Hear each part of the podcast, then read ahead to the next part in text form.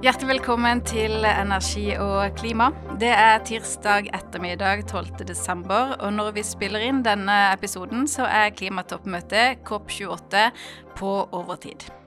Spørsmålet som splitter verden, er hva som skal stå i sluttdokumentet om fossil energi.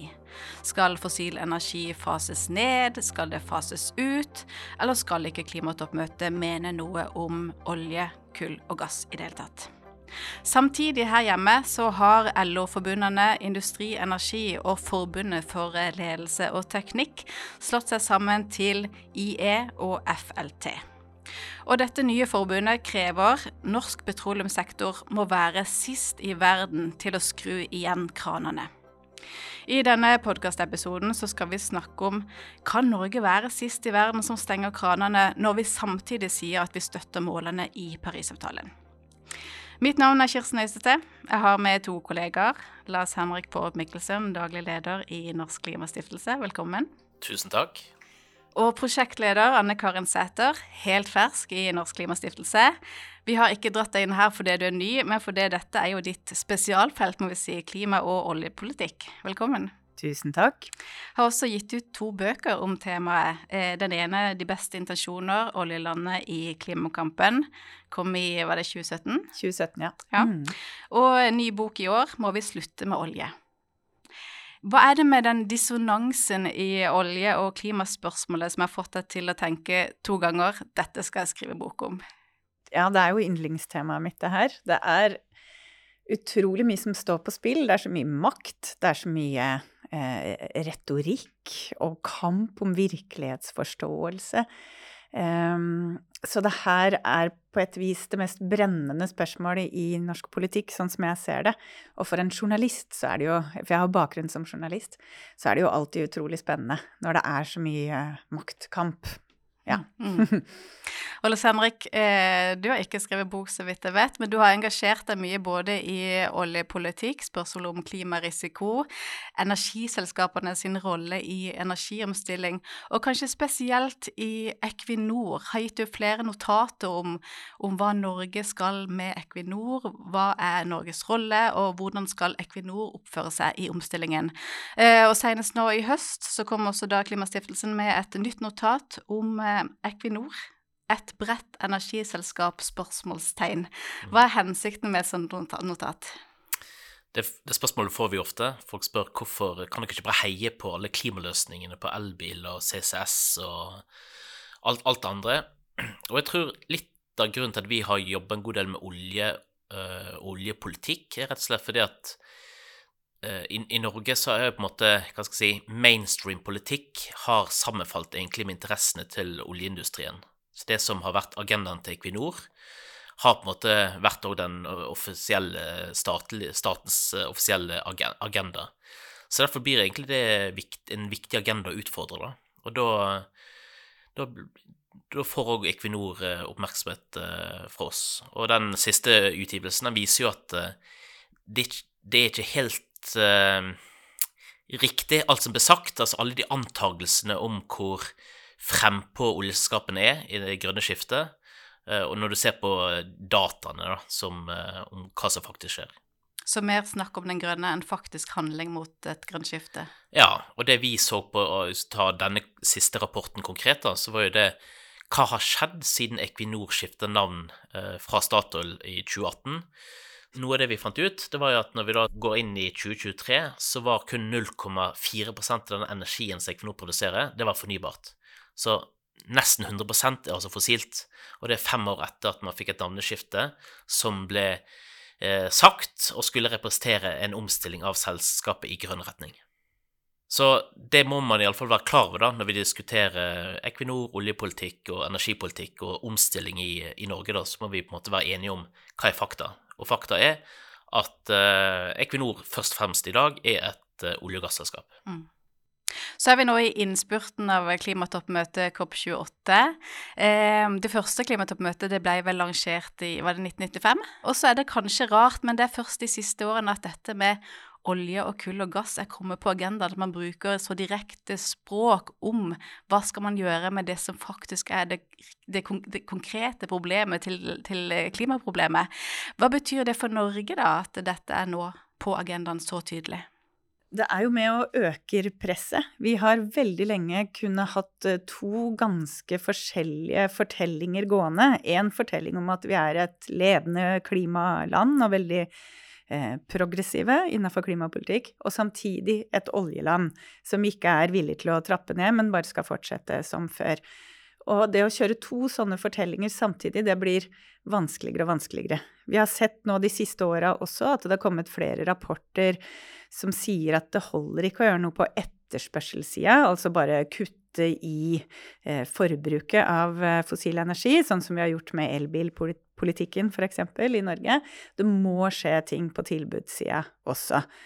Um, og Eh, selv om vi har fått mye mer klimapolitikk og veldig mye har gått bra i verden, vi får en stor økning hvert år i fornybar energi, så skjer det ingenting på fossilsida. Det er fortsatt vekst i til og med kull, der vi trodde vi hadde en peak i 2014. Til og med kull øker, og olje eh, er ikke helt tilbake på 2019-nivå, men det øker fortsatt. Og gass har også økt de siste åra. Så det blir mer og mer utslipp, omtrent 1% mer utslipp eller mer i år. Um, og det, det, viser at vi er nødt til å ha en aktiv nedtrapping av uh, den fossile energien. Så det vi, vi, kan ikke bare gå rundt og si 'utvikle, ikke avvikle' lenger. Vi må faktisk begynne å legge en plan for uh, hvordan vi skal trappe ned. Så har det, altså det er ikke bare på kopp hvor dette skjer, men det er jo en internasjonal trend der veldig lenge, altså når jeg begynte å jobbe med klima i, jeg, i Norsk Klimastiftelse for mange år siden, så da var det jo sånn at uh, i det ene rommet diskuterte klima, så gikk du inn i et annet rom, så diskuterte du energipolitikk. Men det var liksom helt separate ting. Og så ser du nå at klimapolitikken, det har på en måte i hvert fall i liksom, den offentlige debatten og ordskiftet, så ser du at det slår inn egentlig på alle, alle felt, og i energipolitikken. Så det Norge lenge levde på, det var jo at når vi da kom til disse internasjonale klimatoppmøtene, så var det ingen som snakket om olje. Så når vi da brukte veldig mye penger på skogsatsing, og vi kunne være de første som eh, betalte inn til fond og internasjonale tiltak som skulle finansiere ting i utviklingsland, så ble vi på en måte best i klassen. Og så fikk du en oljeagenda som plutselig eh, nå på flere COP-møter på rad har vært vel, stått helt sentralt. Og da ser du at da havner Norge i selskap med Australia, Canada og andre på en måte demokratiske oljeproduserende land. Og da rykker vi ned fra på en måte toppserien internasjonal klimapolitikk til å være sånn litt lenger nede. Så nå er det jo òg en del sånne eh, si, allianser av land som er mer progressive enn Norge, der vi ikke er med. Uh, og du ser det i internasjonale lederartikler, du ser det òg uh, Vi hadde et FN-møte FN tidligere i høst, så ser du at Norge ikke blir invitert. Og da er det jo nettopp oljepolitikken og de aggressive interessene som vi har, som ødelegger for vårt rykte. Mm. Vi bruker jo ofte å si at det, er viktig å ha to tanker i hodet, og så legger man mye i det, men, men, gjerne at man både skal snakke om klima, men man må ikke glemme f.eks. energisikkerhet. Er det en strategi som blir vanskeligere å holde på? Ja, i EU så betyr jo energieffekt, eller energisikkerhet i veldig stor grad det å være sjølforsynt med fornybar energi og gjøre seg mindre avhengig av å importere gass fra Russland og også Norge og andre. Så um, for kundene våre sin del så ser jo ikke det nødvendigvis så bra ut. Men uh, Og i Norge så bruker vi jo ikke så store mengder av den oljen og gassen vi produserer uansett. Så selv om det er mye snakk om energisikkerhet, så tror jeg ikke det vil være det som avgjør eh, framover. Eller hva tenker du? Nei, men der, der har jo òg Fatih Birol Han var jo nå nylig i, i, Oslo på denne høstkonferansen som Equinor og Olje- og energidepartementet står bak. Og da var jo hans, et av hans hovedargument det var nettopp det at hvis du er opptatt av energisikkerhet, så er det i alle fall ikke lurt å satse på, på fortsatt fossil energi. For er det én ting eh, vi har lært de siste årene, så er det nettopp at det er veldig usikkerhet. Sant? Å være avhengig av regimet som eh, du kanskje ikke ønsker å være avhengig av, og, og krevende handelsforbindelser i det, i det, hele tatt, så mente han at energisikkerhet det taler for en forsert uh, grønn omstilling istedenfor.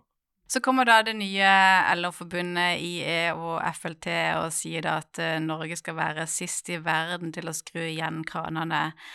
Og hvis verden likevel trenger mer olje og gass enn det er plass til egentlig i, under Parisavtalen, da.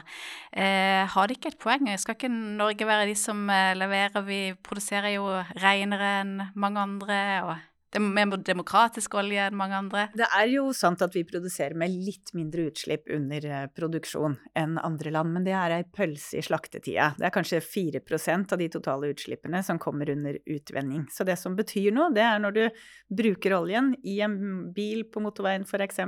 Der spiller det ingen rolle om bensinen stammer fra Nigeria eller Norge eller eh, hvor det nå måtte være. Og når dette nye forbundet sier at vi skal være de siste som gir seg, så tenker jeg at da har de rett og slett bestemt seg for å ikke ta klimamålene våre på alvor, da. For uh, som klimautvalget viser nå, så er det ikke plass for å drive med olje og gass i den uh, størrelsesorden som vi gjør, og heller ikke den som bransjen sjøl mener de vil være på i 2050 hvis vi skal nå klimamålet. For det er så ekstremt lite utslipp vi har igjen i 2050, så da er det ikke da er det ikke rom for uh, så mye aktivitet lenger. Så Litt av problemet med den norske debatten er jo fort at dette blir en veldig sånn der, eh, litt sånn verdi, altså verdikrig. Eh, enten er du mot olje, eller så er du for olje. Og så dyrker man ikke litt de der eh, steile frontene, da. Så, så er det klart at hvis du skal tolke dette bokstavelig, sånn at de siste Altså ikke liksom vi skal satse videre på olje og gass og utvikle, ikke avvikle, men vi skal være de siste som slukker lyset Eh, så er jo det, er jo det helt ko-ko. Eh, det, må jo, være lønnsomhet og etterspørsel i alle fall som skal, eh, som skal styre det. Men jeg tror òg at dette her er litt sånn tegn altså vi, som vi òg må ta inn over oss. da, sånn, Hvordan skal vi få til en skikkelig diskusjon om norsk oljepolitikk uten å gå i skyttergravene. Ja, det er vel det som er litt det vanskelige spørsmålet? Ja, det er veldig vanskelig. og Derfor, derfor, derfor prøver jeg liksom nå å ikke liksom hisse meg veldig opp over måte, det, dette nye forbundet og tenke liksom at ok, dette er liksom en sånn statement, de må være litt drøy, og så får de oppmerksomhet på, men egentlig det de sier, er at de vil, de vil ha business as usual i oljepolitikken. Og da må vi jo diskutere ok, hva, hva betyr det, er det i tråd med klimamålene, og hvordan skal vi eh, Ja, vi må være enige om noen rammer, da og hvis vi skal Det som klimautvalget 2050 lærte oss, så var jo det at hvis du skal ta eh, håper jeg, målet om at vi skal kutte opp mot 95% av utslippene innen 2050 på alvor, så er ikke spørsmålet hvilken utslipp skal du gjennomføre, men hvilke utslipp kan du leve med i 2050. Og da sier i hvert fall de at uh, da er det begrensa med olje, for å si det forsiktig, som du har uh, plass til. Og da må vi jo diskutere, og her, her tenker jeg at her må liksom de ansvarlige politikerne i med, de må på en måte være med og kunne diskutere òg det som er krevende.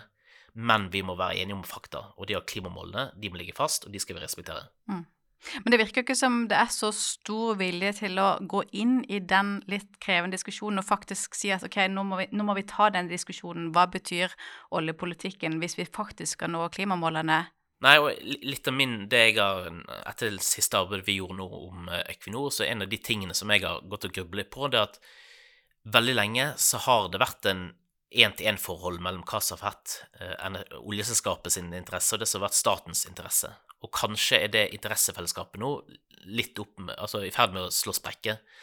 At for et Equinor eller et eh, annet oljeselskap så kan det gi mening at det er mulighet til å leite langt opp i nord. I hvert fall ha en mulighet til å kunne gjøre det i framtiden. Eh, så lenge staten så tar mye av risikoen ved leteaktivitet. For staten, du har klimamål, du, har en, eh, du trenger mye fornybar energi, du har en energiomstilling som går for tregt, så er det kanskje andre ting som er viktig. Altså, da, da, må du kanskje stille spørsmålet hvilken politikk er det som vil akselerere dette skiftet som vi, som vi trenger. Og kanskje er svarene da det vil gå på bekostning av det som er på en måte rent sånn bedriftsøkonomisk eh, hensyn. da. Og kanskje så er det da tiden inne for å se at ok, nå har vi eid f.eks.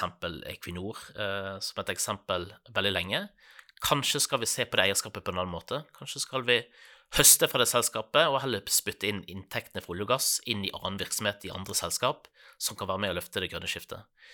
Men jeg tror den der det med at det nå statens interesse ikke er samme som selskapets interesse, det tror jeg er utfordrende for politikere. da, Fordi at man har på en måte bare vært enige om veldig lenge, om at det som er bra for Equinor, det er bra for staten. Ja, man har jo eh, jeg, tenkte før at uh, oljeindustrien i stor grad har kjørt over politikerne fordi de er så mektige lobbyister, men i stor grad så er det jo også politikerne som haler og drar i oljeselskapene. Og mange av de ønsket jo ikke å, å leite lenger nord, og det er få søkere på de konsesjonene lenger nord, så jeg tror det er like mye oljepolitikere, både regionalt og nasjonalt, som eh, ønsker seg veldig stor aktivitet, som det er oljeindustrien sjøl, da. Mm. Det var jo ikke så lenge siden Terje Lien Aasland gikk ut og sa at nå måtte selskapene vise ansvar og vise interesse for også ja, Barentshavet, f.eks. Ja, og det har jo tidligere vært sagt, om ikke så direkte alltid, så i hvert fall under uh, hånden, at hvis dere skal få en feit blokk i sør, så må dere ta en mager blokk i nord. Og så har de forholdt seg til det for å på en måte ja, please myndighetene og ha gode muligheter, da. Mm.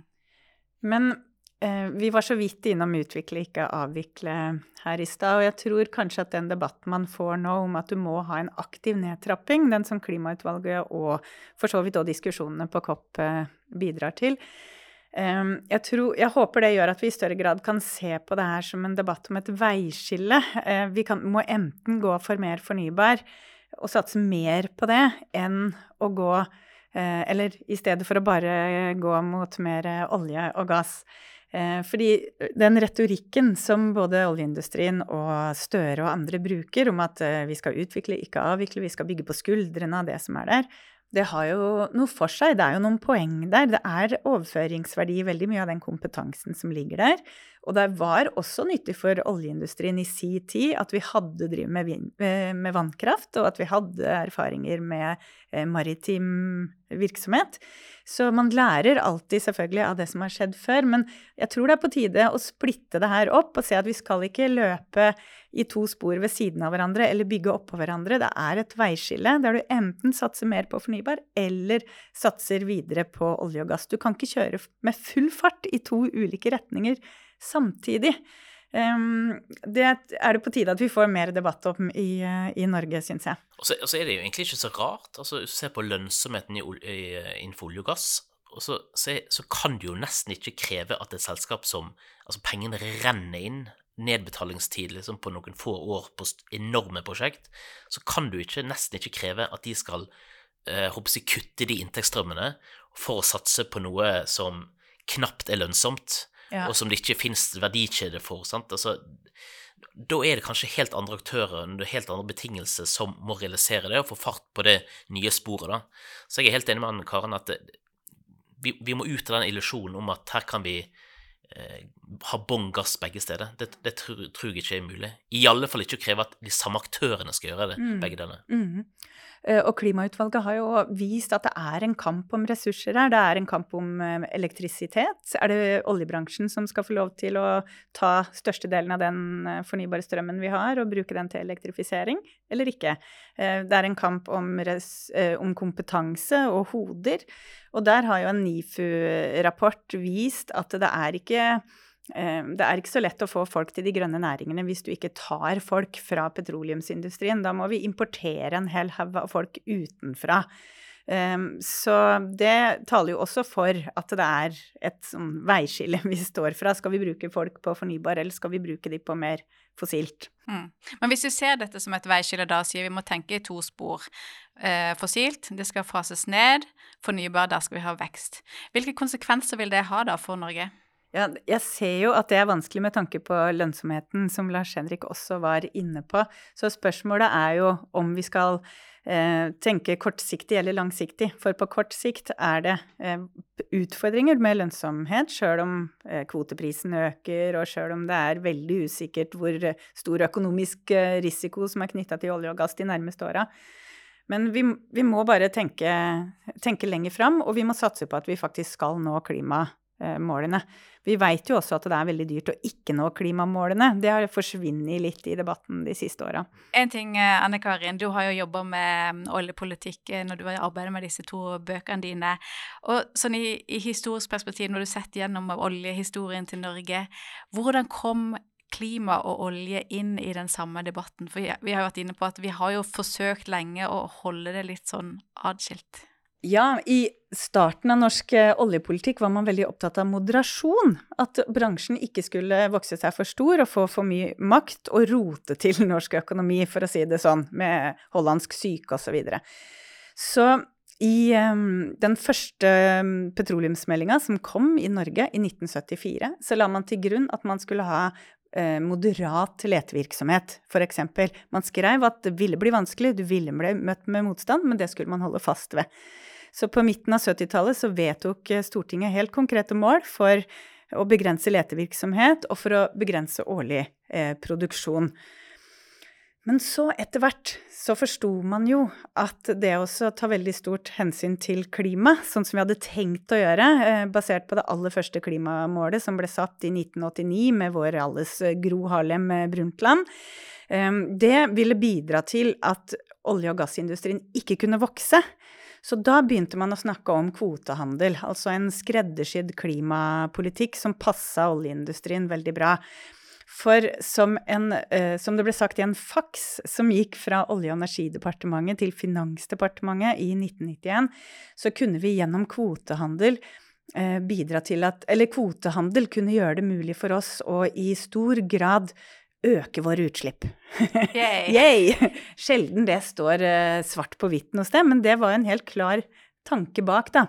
Hvis vi heller betaler for uh, kutt i utlandet, så slipper vi å gjøre så mye her. Men den, det er litt gamle dager-retorikk uh, nå. Men det mm, har jo prega norsk klimapolitikk helt inntil nylig, egentlig. At vi skal satse på kutt ute i stedet for å kutte så mye hjemme fordi det er billigere og enklere ute. Hvor opplever vi at eh, diskusjonen olje og klima, denne spagaten, hvor, hvordan oppleves den i dag? Jeg tror det spørs litt hvor du, hvor du, hvor du står. Eh, jeg var på en konferanse der Olje- og energidepartementet skulle presentere sine ja, hva skal jeg si, sine tanker om fremtiden. Og da presenterte de jo et scenario som Eh, som overstiger liksom klimamålene veldig mye, eh, for å få fram et budskap om at eh, i deres verden så vil olje- og gassetterspørsel øke frem til 2050. Det de ikke sa, at det, var liksom et scenario som er forenlig med liksom tre-fire graders oppvarming. Så spør du, I Olje- og energidepartementet er det én fortelling, men internasjonalt så tror jeg nok at veldig mange peker på og ser på at her er det ikke helt samme svar mellom det Norge gjør og der vi, der vi skal. Så jeg tror klimapolitikken internasjonalt, men òg det nasjonale som vi har bundet oss til, sakte, men sikkert liksom krever litt andre svar fra politikerne våre. Så spørsmålet er liksom bare hvor, hvor lang tid det vil ta. Men uh, allting tilsier jo at her vil det tvinge seg fram et skifte. Uh, og bare det at man Du begynte med kopp uh, innledningsvis, og bare det at vi diskuterer egentlig olje og gass, og ikke bare kull, men at det er faktisk på bordet, det er jo egentlig ganske eh, radikalt fra hvordan det egentlig var før. For da, da var ikke det temaet i det hele tatt når man diskuterte klimapolitikk. Og Hva er da de politiske diskusjonene vi burde hatt hjemme og diskutert bredt og høyt og med stort engasjement? Skulle, ja, letepolitikken står øverst på min eh, liste, i hvert fall. Jeg mener det er det aller viktigste for å eh, kutte utslipp eh, internasjonalt, men eh, også i Norge, fordi vi låser oss til utslipp så lenge framover eh, hvis vi har mange nye felt. Ja, jeg jeg er enig i det. Og så tror jeg òg at uh, um, altså, altså, altså skatteregime, investeringer, fordeling av risiko mellom stat og selskap, men jeg òg liksom hører, hører, inn under dette her, da. For at, uh, det er klart at staten må uh, Vi tjener mye penger på olje og gass i dag, men det er ikke sikkert at det vil være samme lønnsomheten når du ser litt lenger fram i tid. Og så trenger vi òg å investere penger annet sted. Og da er spørsmålet om staten heller skal ta risiko mer, innenfor mer grønne næringer enn innenfor olje Og innenfor uh, letevirksomheten så tenker jeg at det er mulig å ha en litt mer nyansert uh, debatt også enn den vi hadde, der det bare ble sagt vi skal ha letestans. Nei, det skal vi ikke. Og så parkerte regjeringa den. Jeg tror det er mange muligheter til å ha fruktbare diskusjoner framover, og kanskje noen av de andre partiene som nå er i sine Eller alle partiene er jo i programprosesser nå, men kanskje noen av de andre partiene som ikke sitter i regjering, i større grad tør å tenke nytt om det her, da. Og det er mange muligheter. For eksempel kan du eh, kutte de konsesjonsrundene i nord som uansett ikke er så ettertrakta for oljebransjen. Det er eh, lavthengende frukt. Og du kan også tenke at du i større grad skal sikte mot eh, gassfelt framfor oljefelt, sjøl om det veldig ofte er begge deler et sted. Så er det mulig å tenke litt annerledes eh, rundt leitepolitikken, da. Så tenker Jeg at, uh, altså, jeg opplever ofte når du i hvert fall snakker med folk fra bransjen sjøl, liksom på Tomasson, så er man liksom oppriktig for at ja, dette, dette er krevende. Og det tenker jeg at Vi òg som en eh, klimaorganisasjon må jo også liksom bare erkjenne at vi har jo ikke svaret på hvordan ser den perfekte transformasjonen for et olje- og gassland ut. Sant? Altså, når er du gjør de tiltakene, og hva skal du gjøre? Det kan det være mange svar på. Men at vi i hvert fall må få en uh, diskusjon der man kan erkjenne at dette er jo krevende. Det jeg er veldig rart at ikke ja, for si sånn, Jeg syns det er veldig rart at Jonas Gahr Støre var så, så, tidlig ute og liksom avviste en del av klimautvalget sine ambisjoner.